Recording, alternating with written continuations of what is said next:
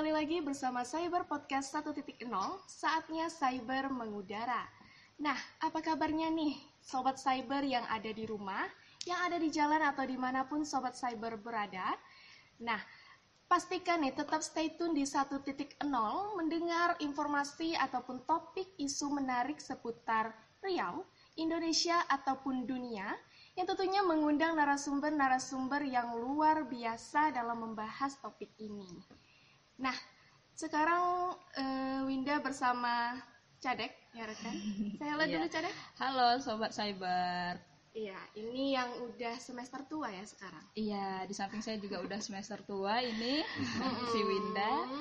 Oke, jadi eh, semangat terus lah sama Sobat Cyber. Iya. Khususnya ini adalah dua minggu awal perkuliahan ya Win? Iya, habis liburan kan, Iya, berarti harus tetap libur. semangat gitu ya. Iya, pastinya. Walaupun udah semester tua, ya pastinya harus semangat dalam menjemput gelar. Iya. Insya Allah semangat. Jangan hanya yang semester tua aja, Win. Oh, Eh, iya. Yang masih maba, yang udah semester 6, eh, juga harus tuh harus semangat. Tidak mengenal usia, harus tetap Iya. semangat ya all the time. Betul sekali. Betul sekali. Nah, eh, kita tadi membahas mengenai isu yang umum juga ada di Riau, Indonesia dan juga global tentunya ya Win. Nah, kali ini kita bakal ngangkat isu tentang pendidikan nih Win, pendidikan di Indonesia khususnya. Oh iya nih, kalau di scroll scroll nih ya di Google itu memang ada kebijakan baru ya dari Menteri Pendidikan kita yaitu Bapak Nadiem Makarim tentang kampus Merdeka dan Merdeka Belajar ya, Jade. Iya, ada dua kebijakan yang sekarang lagi naik-naik daun nih. Iya. Ada Merdeka Belajar dan Kampus Merdeka. Timbul pro dan kontra ya Iya. dalam kebijakan ini. Sebelumnya itu eh, mau menjelaskan sedikit, kalau Merdeka Belajar itu eh, adalah kebijakan dari Pak Nadiem ini eh, yang membahas tentang empat poin Win. Mm-mm. Ini Merdeka Belajarnya ya? Merdeka Belajar. Ah, ah, ah. Merdeka itu Belajar itu poinnya itu yang pertama itu ada eh, USBN, Mm-mm. eh, setelah itu ada UN, Iya. selanjutnya ada RPP, Mm-mm. dan setelah itu ada zonasi. Oh, empat Ah, poin. ya. Ada empat poin. Nah, eh, karena kita lebih khusus ke kampus Merdeka nih, Ya, karena kita mahasiswa kampus. ya. iya mahasiswa kampus, jadi Masih Merdeka kampus Belajar ya. kita kesampingkan dulu. Kita Ya, simpan dulu. Kita simpan dulu. Nah, di kampus Merdeka ini juga ada empat poin nantinya, Win. Oke, nanti kita bahas bersama Ah, ah. narasumber kita yang luar biasa. Nggak boleh spoiler ya. Iya, jangan terlalu semangat Iya, ya, terlalu semangat. Iya, jadi kita perkenalkan diri kita perkenalkan dulu lah ya Iya. narasumber kita. Yaitu di sini ada Bapak Afrianto ya selaku dosen dari Fakultas FKIP, Iya. tepatnya jurusan bahasa Inggris. Iya benar. Assalamualaikum Halo, Bapak. Waalaikumsalam warahmatullahi wabarakatuh. Saya halo dulu Pak sama Ya, sobat saya. halo Cyber, Pak. sobat cyber Ah, iya, itu. di mana pun anda berada. Sampai apa? Saya senang ketemu anda walaupun hanya di udara. Bener Narasumber juga nih. kita asik sekali. Iya. Jadi walaupun dosen kita nggak kuliah hari ini ya sobat cyber kita. Saya kuliah. Oh, iya mahasiswa semester akhir emang susah ya Iya. jadwalnya. Maksudnya di siaran kali ini nggak kuliah gitu. Oh iya. Kuliahnya online. Iya. Ya. Nah selanjutnya ada juga nih narasumber kita. Jadi eh, kita kan kampus Merdeka. Jadi ada nanti akan ada pandangan dari dosen dan juga mahasiswa. Iya, Ah. narasumber kita nggak satu. ya. Iya, ada dua sih. Hmm. Siapa tuh Cadek? Eh, ada rekan kita dari BEM Universitas Riau, ada mm, dari Kementerian Sosial Masyarakat. Iya, Dirjen Pendidikan ya. Ya, ada Iya. siapa? Winda? Nurul Novria. Saya halo dulu Nurul. Assalamualaikum warahmatullahi wabarakatuh. Selamat siang sahabat cyber. Waalaikumsalam. Siang. Oke. Eh, Langsung oke. aja. Langsung aja. Win. Kan penasaran tuh empat Iya. poin tadi apa ya? Kepo yang poin kampus Merdeka itu Iya, tadi poin ya. kampus Merdeka. Nah, eh, jadi bagaimana nih Pak? Jadi kan kita tahu bahwa kebijakan dari Bapak Nadiem Makarim ini menimbulkan pro dan kontra gitu ya Pak ya. Apakah memang eh, kebijakan-kebijakan ini sesuai atau tidak? Gimana menurut Bapak? Sebagai dosen. Oke. Uh, baik secara pertama saya ingin jawab dulu secara umum ya. Uh, kesan saya secara umum dengan kebijakan ini saya menangkap bahwa ada semangat pemerintah untuk mempercepat penyelesaian satu masalah pendidikan di Indonesia yaitu tingginya angka pengangguran terdidik ya. Jadi data BPS itu terakhir menunjukkan bahwa hampir setengah juta pengangguran terdidik di Indonesia itu. Apa itu pengangguran terdidik? Yaitu orang yang sudah tamat kuliah jadi sarjana tapi setelah tamat kuliah itu nggak tahu mau ngapain atau cari kerja tapi nggak dapat dapat akhirnya mereka jadi pengangguran gitu. Nah pemerintah ingin menyelesaikan masalah ini sehingga kemudian ketika mahasiswa tamat mereka bisa bekerja gitu Uh, jadi saya menangkap semangat itu sampai kemudian muncullah di antara apa namanya semangat atau program Pak Menteri Nadiem itu kan link and match. Iya. Jadi hmm. sepertinya kampus Merdeka itu bagian dari semangat link and match itu. Uh, walaupun saya punya catatan-catatan ya, saya lihat memang ada positifnya, ada negatifnya hmm. gitu ya. Kalau positifnya misalnya tentang uh, apa namanya aturan bagaimana tiga semester terakhir nah, mahasiswa itu kuliahnya itu secara magang gitu kan. Tidak di kelas tapi di tempat-tempat magang. Misalnya di dunia industri gitu ya. Nah ini salah satu cara Nadim bagaimana menghubungkan kampus dengan dunia industri. Sehingga ketika mahasiswa magang mereka makin siap untuk bekerja setelah tamat gitu. Kemudian pada saat yang sama kampus dan dunia industri sudah ada kerjasama gitu. Sehingga ketika mahasiswa tamat mahasiswa ini diasumsikan siap untuk direkrut oleh oleh uh, apa namanya perusahaan atau industri yang lain gitu. Tapi masalahnya di lapangan tidak sesederhana itu, ya. Jadi ini karena kita bicara pendidikan Indonesia itu kompleks ya. Pertama, uh, masalahnya adalah kesiapan kampus sendiri membuat sistem bagaimana bisa tiga semester terakhir itu mahasiswa di kampus, gitu ya. Sistem yang saya maksud adalah seberapa banyak industri yang sudah punya kerjasama dengan kampus. Dan sudah seberapa detail kerjasama itu dilakukan gitu ya. Ya eh, apalagi kita punya banyak jurusan kan untuk masyarakat Riau misalnya kan macam-macam jurusannya kan. Nah siapkah industri di sekitar Riau misalnya untuk menampung mahasiswa di tiga semester terakhir sebanyak itu gitu. Kemudian juga sistem kontrolnya gitu. Bagaimana mengontrol magang itu. Itu kan perlu detail dan sebagainya. Sampai hari ini itu belum ada petunjuk teknis dari peraturan menteri tentang kebijakan tiga semester di akhir itu. Sederhananya gini kalau misalnya kita di FKIP FKIP itu kan pabrik guru lah gitu kan. Jadi kalau kita bicara magang ya magang di sekolah kan. Iya. Nah, pertama, kesiapan sekolah menerima mahasiswa sebanyak ini selama tiga semester apakah cukup sekolah untuk menerima sebanyak mahasiswa tiga semester itu? Kemudian yang kedua juga ini akan apa agak bertent, agak ber, apa ya bersinggungan dengan kebijakan yang sudah punya di kampus. Kita kan punya PPL ya atau PLP gitu. Dan PPL itu kita sudah sistemik ya kita dilakukan selama satu semester gitu ya.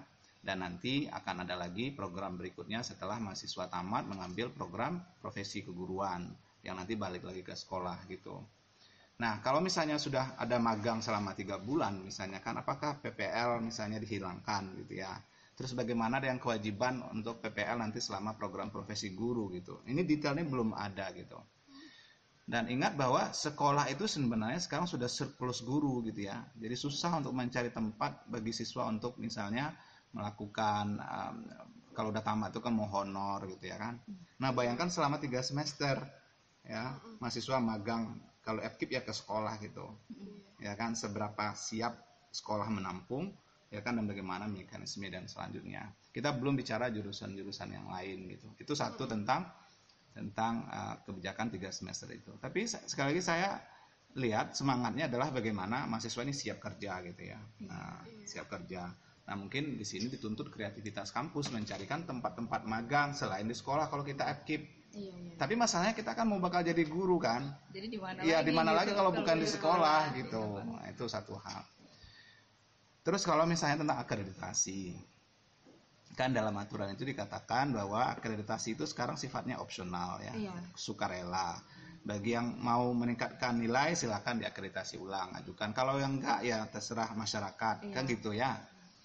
ini ini bebas sekali ya menurut saya karena Merdeka sekali. ya merdeka sekali. Eh, saya tidak mengecilkan kita orang Indonesia ya, tapi dengan cara seperti ini saya khawatir nanti kebablasan gitu, karena ini bisa membuat orang itu satu sisi memotivasi kalau memang dia kreatif, ya kan, tapi sisi lain juga mendemotivasi ya, artinya ya udah gitu ya, kita kan sudah A misalkan, ya kan, alhamdulillah, jadi kita nggak harus kerja keras ya kan gitu, kita tuh baru bekerja kadang tuh kalau di push, ya kan, kebayangkan kalau suasana akreditasi kan semuanya ter- terasa seperti perfect kan, Iya. Semangat ya harus semangatnya gitu ya kan semuanya diperbaiki lah gitu kan ruang kelas diperbaiki ini itu diadakan dan sebagainya. Jadi semangat kualitas kita itu kadang masih perlu di push dari luar gitu. Nah khawatir ketika push ini longgar idealnya sih kita tetap bersemangat. Tapi saya khawatirnya hanya begitu gitu ya. Akhirnya semangatnya kan ya kan cuma opsional kita udah dapat A kan satu. Lalu yang kedua juga siapa yang bisa menjamin prodi yang sudah A sekarang dia akan tetap baik pada 3-4 tahun yang akan datang. Iya. ya kan? Kualitas itu kan bisa up and down kan? Iya. ya bisa turun naik dia. Ya sekarang fasilitasnya bagus. Tapi lima tahun lagi yang bagus sekarang bisa jadi hancur kan? Kalau tidak di maintain gitu. Iya. ya kan? Nah kalau misalnya tidak ada akreditasi ulang tidak ada kewajiban akreditasi ulang yang A sekarang belum tentu sama kualitasnya dengan A lima tahun yang akan datang gitu nah maka menurut saya ini agak agak membingungkan ya satu sisi kita ingin kualitas tapi kualitas seperti diserahkan begitu aja ke masyarakat tanpa kontrol tanpa push dari pemerintah gitu. Bagusnya ada akreditasi selama ini pemerintah dengan kekuasaannya melakukan push atau tekanan ya secara sistemik kepada lembaga seperti perguruan tinggi gitu. Sehingga orang mau tak mau suka tak suka siap tidak siap harus menyiapkan diri gitu ya kan? Ya mungkin maunya Nadim ya kita ini nggak harus begitu lagi katanya. Mungkin dia kepengennya kita ini ya udah mandiri gitu ya. Tapi pertanyaan seberapa siap kita seperti itu? Iya. Nah, itu satu hal. Kemudian juga saya catatan saya dengan dengan Pak Menteri yang baru ini salah satunya adalah beliau terlalu cepat mengambil kebijakan-kebijakan yang mendasar ya. Dalam tiga bulan eh, apa namanya beliau ditunjuk Kemungkinannya kepemimpinan gitu ya. Saya berharap beliau lebih banyak dulu mendengar bahkan kemudian melakukan riset ya kajian-kajian mendalam tentang kebijakan yang sudah ada selama ini. Kalau memang tidak efektif seberapa tidak efektif dan dari mana alat ukurnya gitu. Kita kan punya banyak orang-orang pintar gitu. Mesti ditanya dulu baiknya dirembawa rembuk dulu. Jangan tiba-tiba sudah ada aja Permendikbud sekian tentang bahwa tidak ada lagi akreditasi yang wajib misalnya kan gitu. Oke, nah apa tentang apa lagi misalnya dari empat itu dari akreditasi ulang, kemudian tentang kewajiban lim- eh, tiga semester magang, kemudian eh, apa kebebasan perguruan tinggi membuat Prodi eh, Prodi baru. Ya kita kalau kita baca detailnya kan sebenarnya ada syarat yang cukup berat ya. Jadi Iya, untuk bebas, prodi baru. tapi misalnya dia harus punya kerjasama dengan perguruan tinggi 100 top dunia gitu ya. Itu ya perguruan tinggi itu. Juga. Ya perusahaan BUMD, juga. BUMD. Jadi sebenarnya itu juga berat juga gitu ya. Kalau memang perguruan tinggi misalnya udah siap dan kemudian dengan punya kerjasama yang banyak seperti itu dengan per- perguruan tinggi top dunia, satu situ tuh bagus gitu ya. Sehingga ada kreativitas prodi, dan ada persaingan di situ gitu kan. Ya sehingga ah, ya itu orang terpacu untuk makin berkembang gitu ya. Nah, cuma itu tadi kalau misalnya eh, itu benar-benar diserahkan kepada mekanisme dalam tanda kutip mekanisme, mekanisme pasar ya, maka akhirnya nanti yang maju akan makin maju, Makin maju. yang tertinggal akan tetap tertinggal gitu. Karena kan seperti diserahkan aja, oke kalau anda siap, anda buka terus. Nah bagi mereka yang nggak siap-siap ini akan mereka akan tertinggal terus gitu. Itu sisi lain dari kebijakan itu. Nah, apalagi poin-poin berikutnya tentang kemudahan untuk berubah status ya. Saya tidak Iya, banyak menjadi badan hukum. menjadi badan gitu. hukum. Kalau yang poin itu saya tak tak begitu memahami betul, tapi yang concern saya sebenarnya dua hal itu. Pertama akreditasi ulang, kemudian yang kedua itu adalah tentang kewajiban tiga semester di luar kampus. Saya hanya khawatir kita belum siap sejauh itu gitu. Oke, itu Hmm. tadi eh, tanggapan dari Pak Afrianto Hmm. Tentang ada empat tadi ya Win. Ya, empat poin kebijakan Kampus Merdeka ini. Iya. Hmm. Akhirnya tahu nih sobat cyber ada empat kebijakan. Iya. Memudahkan untuk membuka prodi baru, ada juga eh, akreditasi, akreditasinya mudah, setelah itu ada apa magang magang tiga semester perubahan status perguruan tinggi ah ada Hmm. perubahan dari status BLU ke BLH iya Hmm. kesimpulannya memang sebenarnya Indonesia tepatnya Universitas Riau mungkin kita belum siap sebenarnya saya tidak bisa siap. saya bis- tidak bisa klaim kita belum Kita belum siap, siap. Eh, apalagi kita bicara lembaga mungkin Pak Rektor lebih tahu gitu ya. Iya. Cuma eh, kita lihat itu eh, apa namanya itu seperti tiba-tiba gitu ya, seperti Iya. tiba-tiba. Eh, dan dan Pak Nadim itu seperti merombak sesuatu yang selama ini sudah sudah jalan dan itu sebenarnya ada banyak kebaikan-kebaikannya di situ ya. Misalnya akreditasi itu gitu ya. Memang ada catatan dari akreditasi itu kita seperti misalnya dipaksa untuk eh, apa melakukan perbaikan-perbaikan gitu ya. Eh, tapi ya itu untuk ukuran orang kita sebagian itu mesti dipaksa itu gitu. Mm. Nah, tapi kalau misalnya sekarang nggak ada kewajiban lagi, ya orang yang tadinya misalnya malas-malasan mungkin makin malas gitu ya. Apalagi kalau sempat dia sudah nilainya A kan. iya Ya. Terus kata Pak Nadim kan nanti dibiarkan masyarakat yang melakukan pengaduan Iya, gitu itu kan. Itu juga itu juga terlalu umum ya. Kayak mana sebenarnya masyarakat itu melakukan pengawasan dan sudah seberapa pintarkah masyarakat kita mengawasi kualitas perguruan tinggi Iya. misalnya kan. Dari Gitu. sosial media aja terlihat ya pak Ya. ya gimana Betul. netizen Indonesia tentunya Ya. yang belum semuanya tuh rata pendidikannya Ya. gitu apalagi kalau misalnya kampus diserahkan pengawasannya kepada masyarakat Ya. gitu. itu tadi empat poin dari Pak Afrianto mungkin kita mau dengar juga dari Nurul mana tahu ada ya iya ada perbedaan barangkali mungkin Nurul tahu yang gimana tentang badan hukum atau Iya. eh, gimana kita kan mencari jawaban juga ya Winda Hmm. ya silakan Nurul Baiklah, eh, itu yang pertama ada empat kebijakan ya yang ditentukan oleh Nadiem Makarim pada kebijakan kampus merdeka ini. Yang pertama yaitu ada kemudahan bagi perguruan tinggi untuk membuka program studi baru. Nah, di sini untuk membuka program studi baru ini tidak berlaku untuk program studi kes- eh, untuk Kesehatan. kesehatan dan juga pendidikan kabar-kabarnya seperti itu. Nah, se- untuk program studi baru ini saya sependapat juga dengan Pak Afrianto tadi yang mengatakan bahwa kalau misalnya dia sudah siap maka dia akan terus berkembang, tapi yang tertinggal ya juga akan tetap tertinggal seperti itu. Nah, kemudian yang kedua itu ada perubahan sistem akreditasi. Di mana perubahan sistem akreditasi ini hanya berdasarkan pengaduan masyarakat dengan bukti yang konkret. Nah, untuk pengaduan masyarakat ini sendiri kita tidak mempunyai tolak ukurnya sendiri untuk mengukur sejauh mana universitas ataupun kampus itu eh, untuk naik akreditasinya seperti itu. Nah, kemudian yang ketiga itu ada kemudahan status kampus menjadi badan hukum. Nah, di sini pada kemudahan status kampus menjadi badan hukum ini eh, berdasarkan kebijakan Pak Nadiem Makarim itu berlaku untuk seluruh akreditasi. Jadi setiap kampus yang memiliki akreditasi baik itu A, B atau C itu berlaku. Nah, cuman di sini yang disayangkan itu syarat-syaratnya hanya berdasarkan syarat-syarat yang ditentukan oleh Kemendikbud itu sendiri.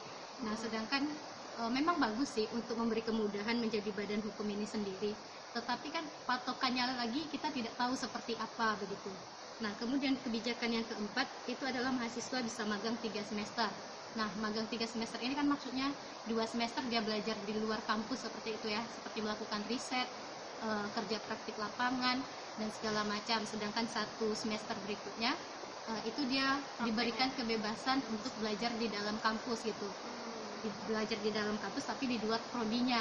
Nah, kalau untuk kebijakan ini sendiri, e, saya gema- e, merasa begini, ketika satu semester kenapa harus belajar di luar prodi? Sedangkan ketika kita sudah masuk di suatu prodi itu sudah ada mata kuliah prodi lain yang kita pelajari begitu. Jadi untuk apa lagi kita eh, keluar dari prodi kita sendiri? Apakah tujuannya? Seperti itu. Nah Iya. kemudian ada dua semester ya. Dua semester itu kita belajar di luar kampus. Nah itu sebenarnya cukup bagus kebijakannya cukup bagus karena di situ mahasiswa akan lebih banyak mendapatkan pengalaman seperti itu. Nah mendapatkan banyak pengalaman untuk dunia kerja berikutnya dan untuk hidup sosial di masyarakat.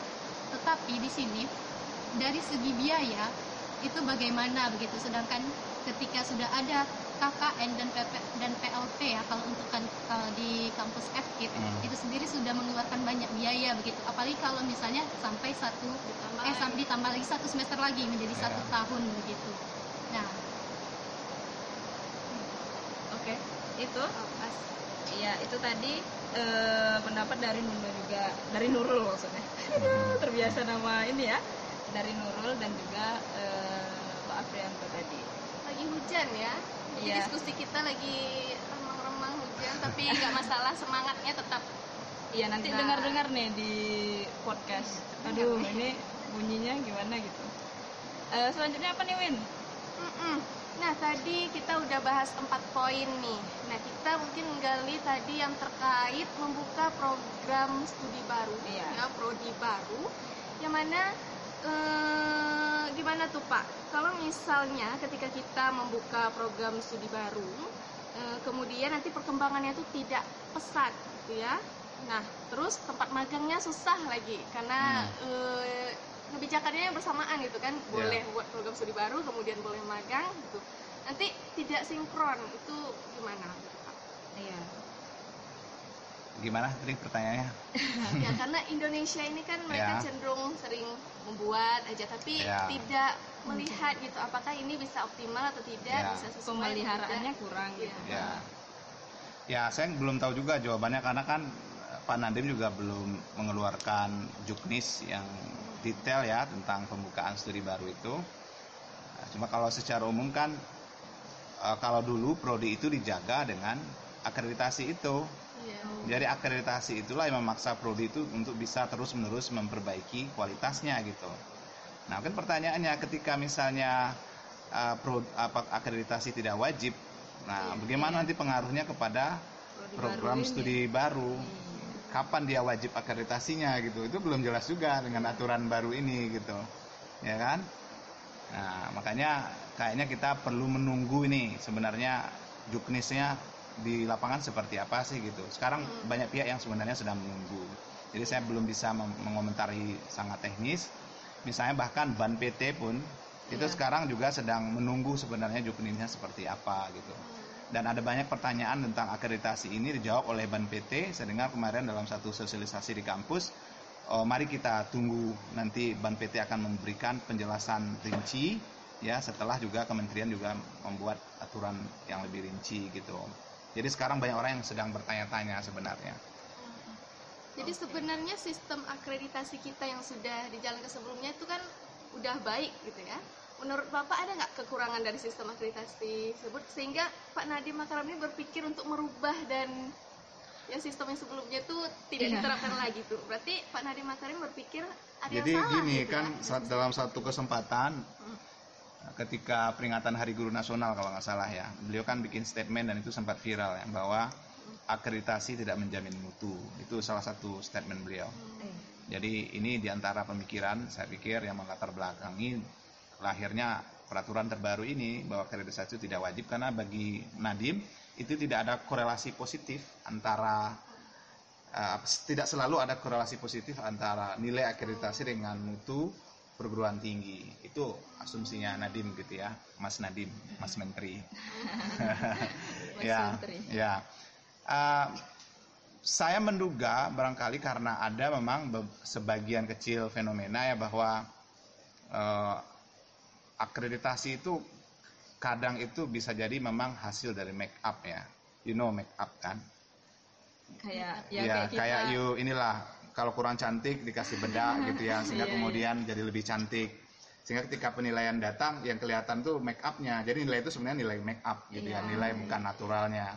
Nah, sebagian kecil mungkin prodi saya tidak melakukan generalisasi gitu ya, tapi sebagian kecil itu setelah dapat nilai tertentu, kemudian dia kembali ke aslinya. Iya. Iya, tidak iya, dijaga. Tidak dijaga Itu kualitasnya itu. Dinilai gitu ya. Ya, sehingga yang nilainya A itu nggak benar-benar mencerminkan nilai A itu. Nah, Nadim sepertinya ingin bikin terapi shock lah gitu ya, bahwa eh, sekarang serahkan ke masyarakat. Kalau memang nilai A, ya buktikan bahwa nilai anda A, nanti masyarakat akan puas. Tapi kalau masyarakat nggak puas, anda bisa dikomplain. Nah, saat itu you harus apa akreditasi ulang gitu.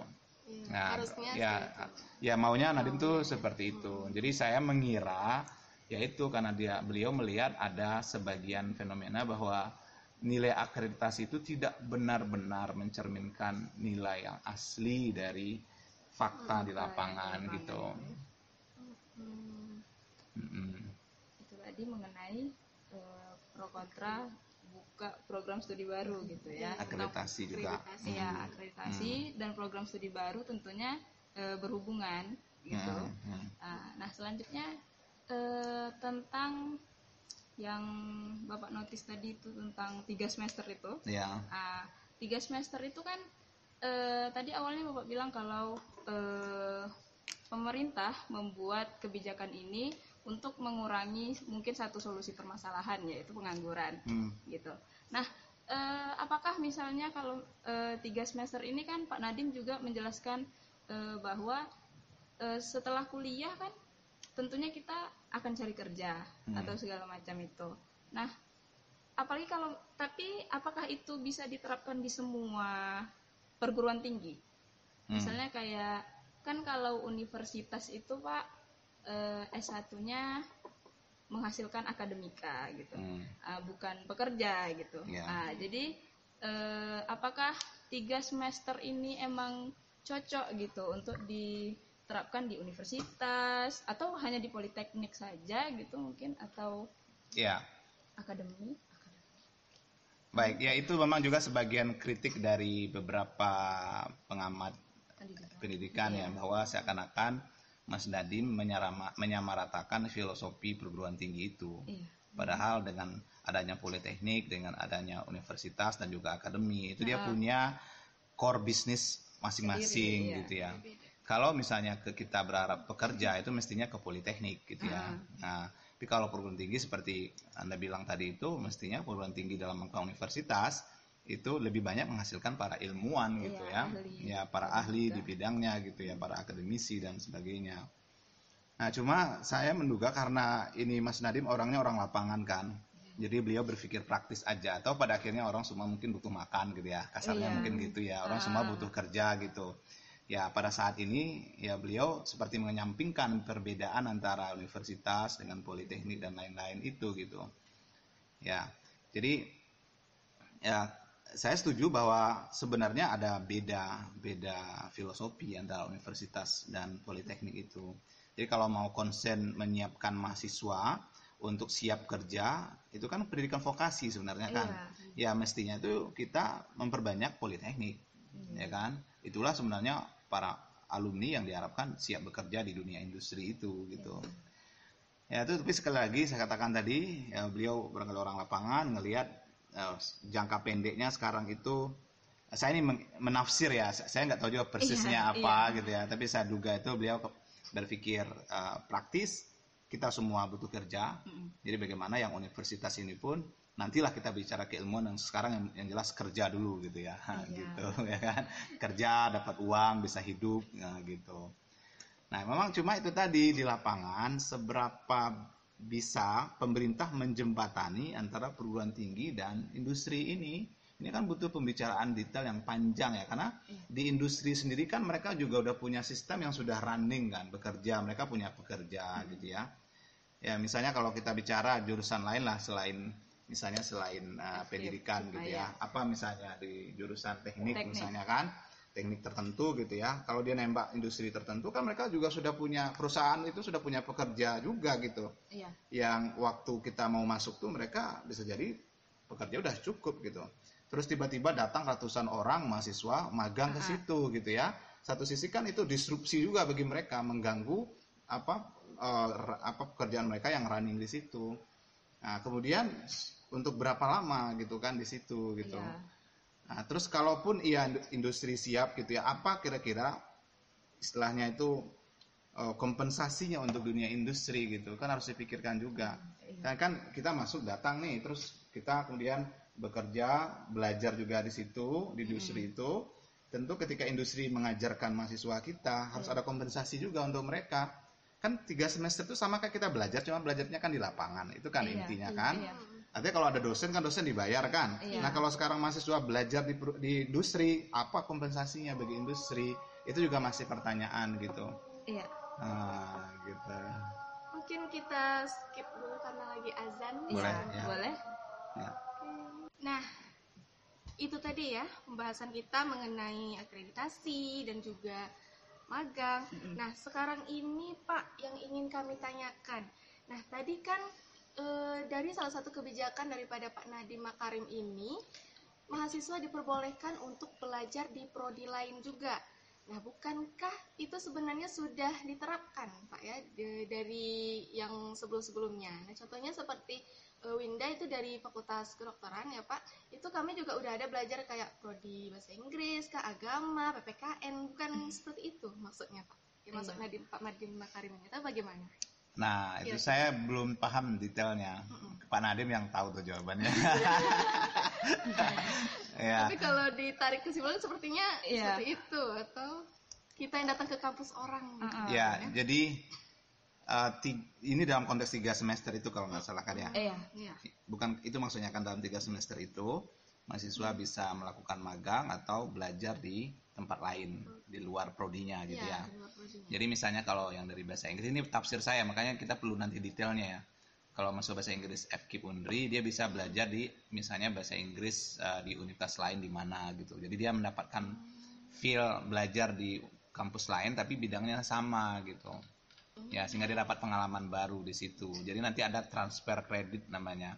Jadi ada mata kuliah-mata kuliah yang agak berdekatan Iya. ya sehingga kemudian nanti bisa tetap dipakai. Walaupun dia enam sem- ah, enam bulan di situ kuliah mata kuliah tertentu diakui nanti di kampusnya awal gitu.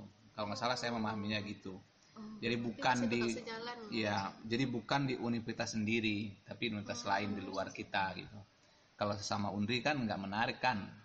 Ya Iya, jadi maunya misalnya FK bahasa Inggris saya pergi bahasa Inggris di Jawa misalnya kan UPI misalnya kan nah nanti dia belajar di situ untuk mata kuliah mata kuliah tertentu Hmm, sehingga ada pengalaman baru karena yang pembahasannya prodi lain, jadi kami pikir Iya. ini agak Bu- melenceng gitu. bukan prodi dengan prodi dengan prodi, Prodi berbeda lain. tapi maksudnya prodi di luar kampusnya Hmm, itu yang saya pahami ya tapi bisa jadi saya salah nanti kita lihat teknisnya kayak mana makanya banyak pertanyaan kalian itu yang belum bisa dijawab teknis karena memang belum ada petunjuk Iya. teknisnya gitu konkret ya. ya Ya. Kami di sini membahas eh, hanya sekedar tanggapan-tanggapan ya tanggapan saja. kita masih Ya. umum memang sifatnya gitu Soalnya kalau misalnya program studi lain kan sudah terintegrasi dengan pembelajaran Hmm. mata kuliah kita kan, Pak. Hmm. Misalnya kayak ya Winda tadi, habis itu kayak kami di fisika itu pendidikan fisika saya eh, di pendidikan fisika tuh kayak kami juga belajar fisika matematika gitu. Jadi Hmm. udah satu Hmm. gitu kan. Nah, kalau misalnya sudah seperti itu, lalu sebenarnya untuk apa kebijakan ini gitu? Hmm, Kalau tadi pemikiran saya gitu, ternyata Hmm. beda sama pemikiran ya Bapak. ya Mungkin eh, Nurul ada yang ingin ditambahkan? Ada pendapat? Udah sama lah ya, satu pemikiran lah ya. Iya. Apalagi nih, Cak? eh ini dua semester berjamin hak belajar di luar kampus. Ah iya, dua semester diberi jaminan hak belajar di luar kampus.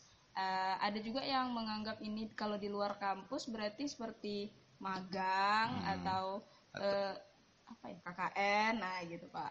Nah kalau dua semester di luar kampus itu dua semester itu kurang lebih satu tahun ya Win. ya Ah, satu tahun itu eh, kalau untuk magang dan KKN sebenarnya bagus karena kan eh, kalau KKN seperti KKN saja kita jadi bisa melihat di desa itu ada perubahan apa yang kita lakukan gitu. Hmm.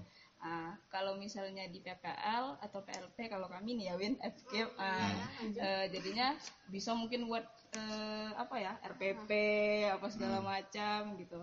Nah tapi itu kan lumayan kalau untuk biaya Pak lumayan besar juga Iya. gitu. Ah, apakah Pak Nadim ini tapi ya belum tahu juga ya. Eh, apakah akan memberi apa ya? insentif Ah iya itu insentif untuk satu tahun ya ini gitu. ya kita tunggu kita juga belum tahu jawabannya ya mudah-mudahan nanti ada insentif itu Hmm. karena kalau menuntut student mobile kan maksudnya Iya. nanti kuliah di, di Jawa misalnya satu semester kemudian pulang lagi ke sini itu kan pasti butuh biaya tambahan gitu kan Iya. nah kita belum tahu gitu ya tapi itu tadi yang saya tangkap dari tiga semester itu di antaranya belajar di tempat lain Iya. ya di luar kampus kita Mm-mm. tapi tetap di bidang kita gitu bidang kita jadi nanti ada transfer kredit dengar-dengarnya itu juga eh, misalnya ada beberapa kegiatan yang dilakukan eh, mahasiswa di selain misalnya di, di dalam kampus misalnya gini kalau mahasiswa bahasa Inggris kadang tuh mereka dapat pertukaran mahasiswa ke luar negeri Hmm. misalnya selama enam bulan nah selama ini enam bulan itu mereka harus cuti kan Iya. akhirnya mereka ketinggalan satu semester Ah. nah saya dengar itu di antara contoh kalau memang nanti bisa diintegrasikan kegiatan dia selama di luar negeri itu dianggap sebagai bagian dari perkuliahan dia itu bagian dari field trip dia misalnya Hmm. sehingga dia tetap diakui SKS-nya gitu Oh. Nah, eh, tapi kita belum tahu Iya, Pak, iya. karena itu di antara di antara baru wacana-wacana ya Mm-mm. terkait dengan teknis pelaksanaan tiga semester di luar ini. Karena bentuknya bisa magang katanya kan, Iya. bisa bekerja ya kan, bisa belajar juga atau kegiatan-kegiatan lain. Jadi tidak kuliah duduk di kelas ya kan, tapi berbagai macam kegiatan. SKS itu maksudnya katanya kegiatan. Iya. Jadi bisa aja pertukaran mahasiswa sebagai bentuk SKS gitu. Mm-mm. Ya. Nah mungkin eh, berbalik yang tadi Pak, saya ada Ah. pertanyaan sedikit. Ya. Tadi kan yang tentang kalau kita bisa ke perusahaan, itu menurut Bapak sesuai nggak nih Pak? Sebanding nggak jumlah perusahaan yang ada di Indonesia dengan lulusan yang, kita hmm, gitu. kita yang dan berapa jumlah ribu mahasiswa gitu. betul. Iya. ya itu juga pertanyaan saya. Maka tadi saya bilang seberapa siap perusahaan Iya. menampung mahasiswa yang hampir 7 juta ini gitu. Iya. Ya kan? Nanti Ah, malah banjir. 6.000 malah banjir nanti ya kan perusahaan-perusahaan itu. Itu bikin disrupsi di situ. Ya kan? Sementara Kendala lulusan juga tadi perusahaan. gitu ya makanya ini kompleks ya tidak sesederhana. Kepengen kita link and match kemudian sekarang tiga semester di luar tapi harus disiapkan di lapangannya seperti apa gitu. Ya. Terus saya, saya lihat juga Na- Pak Nadib kepengen intinya kreativitas ya. Nadib kan filosofi udah kelihatan tuh eh, bahwa Pak Nadib kepengen kampus itu kreatif bagaimana menyiapkan mahasiswa itu siap kerja Iya. dan jalin kerjasama dengan dunia industri. Kan itu intinya. Nah ini membutuhkan di lapangan itu para dosen-dosen yang memang sigap ya. Mau mau bekerja keras kemudian dia juga punya jaringan yang luas gitu kan. Kemudian ya termasuk juga mau berkorban gitu. Ya kan nggak jelas juga nanti insentif bagi dosen yang ngurus-ngurusin ini Iya. siapa yang bayar gitu kan.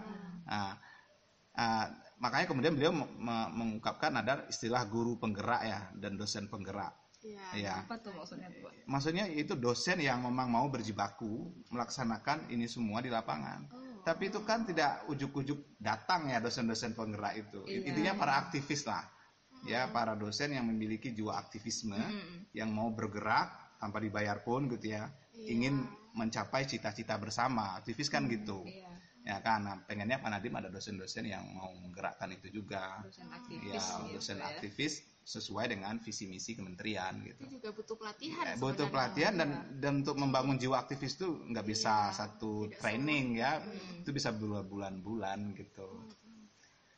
Nah s- eh, saya ingin tambahkan gini sebenarnya harapan saya ke pemerintah siapa pun pemerintahnya partai apa pun yang yang memerintah baiknya pendidikan itu eh, jangan terlalu apa ya kalaupun tentu ada perubahan-perubahan tentu bagus ya Iya. program-program baru bagus tapi jangan sampai mendasar otak atiknya itu gitu ya baiknya kita tuh punya grand design pendidikan Iya. nasional selama 35 tahun kita jaga grand design itu gitu siapa pun menterinya Hmm. jadi jangan sampai masyarakat trauma dengan istilah lama ganti menteri ganti kebijakan Iya. dan itu masih terjadi sampai sekarang gitu Bayangkan Pak Nadim itu masih di bawah presiden yang sama dengan menteri yang sebelumnya. Iya. Sebelumnya ada Anies Baswedan, kemudian ada Pak Muhajir kan Iya. presidennya masih Pak Jokowi. Kemudian sekarang datang Pak Nadim.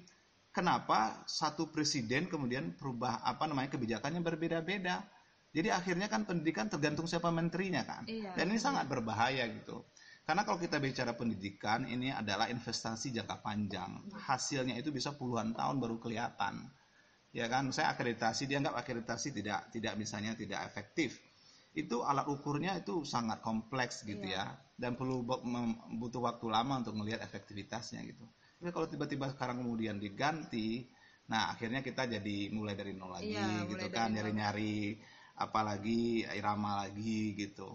Apalagi kalau sempat misalnya pergantian kurikulum ya kan. Nah, dulu kan sempat ada suara-suara itu walaupun sekarang sudah mulai ini kan lagi dibaca gitu. Iya. Nah, tapi kan ganti menteri ganti kurikulum kan dulu ke- kejadiannya memang begitu gitu. Nah jadi jangan sampai ya siapa pun lah menterinya kemudian melakukan perubahan-perubahan itu yang yang ekstrim gitu ya. Jadi harusnya kita punya desain 40-an tahun ini ne- ne- negeri ini mau ke mana dan sebagainya. Kemudian itu terus menerus dijaga gitu. Ya, oh bahwa ada perbaikan-perbaikan perubahan itu biasa kan.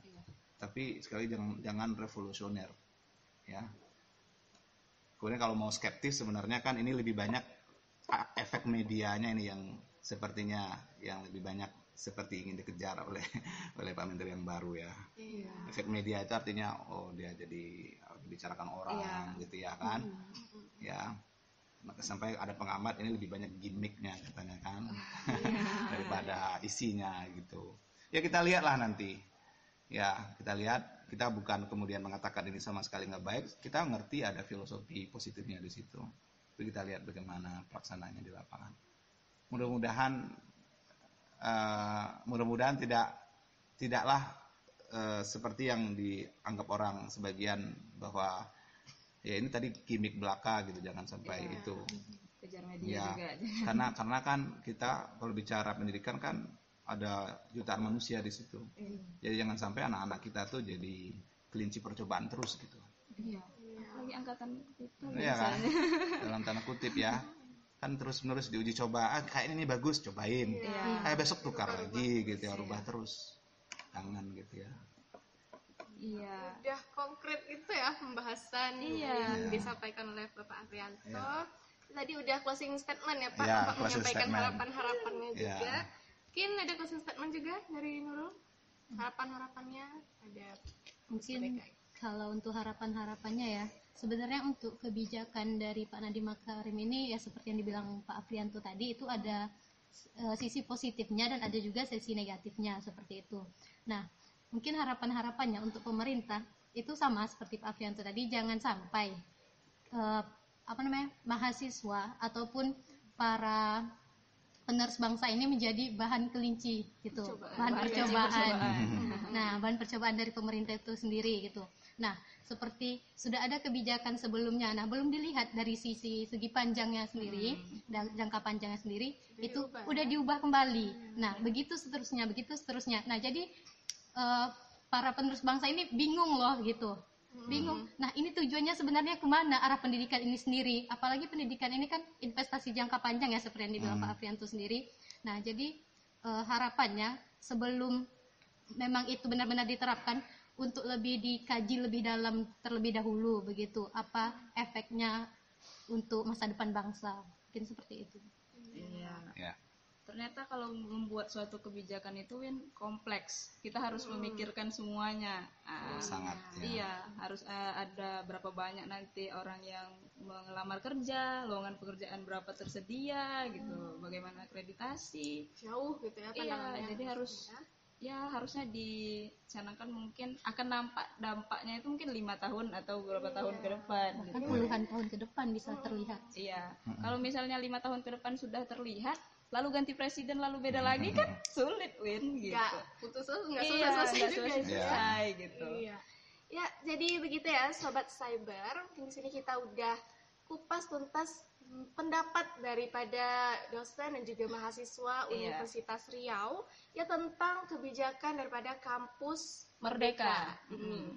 Nah, tentunya kita harap ya Bapak Nadim dapat lebih memperhatikan secara keseluruhan Iya. kelebihan dan juga kekurangan dari kebijakan ini agar sistem pendidikan kita lebih baik lagi. Iya. Dan tadi seperti yang sudah disampaikan oleh narasumber kita, harapannya pendidikan ini memiliki grand design nasional gitu ya, yang dalam jangka jauh, yang 40 tahun ke depan, ya agar bisa tertata iya. gitu ya, bisa kita lihat apakah dia maksimal atau tidak. Iya. Oke mungkin udah fix ya, udah, cukup ya, Udah terjawab semua pertanyaan-pertanyaan gitu. udah nggak kepo lagi lah. Udah. Kita tunggulah kebijakan selanjutnya Iya. dari Bapak Nadiem Makarim. Oke, sahabat sobat cyber, jadi mungkin kita sampai di sini. Mohon maaf apabila ada salah kata ada kata. Saya Azrinda dan saya Anissa Al-Fatihah. Kita pamit undur diri. Wabillahi taufiq hidayah. Assalamualaikum warahmatullahi wabarakatuh. Sembilu yang dulu biarlah berlalu bekerja bersama bukan seekor sapi sembilu yang dulu. Biarlah membiru berkarya bersama hati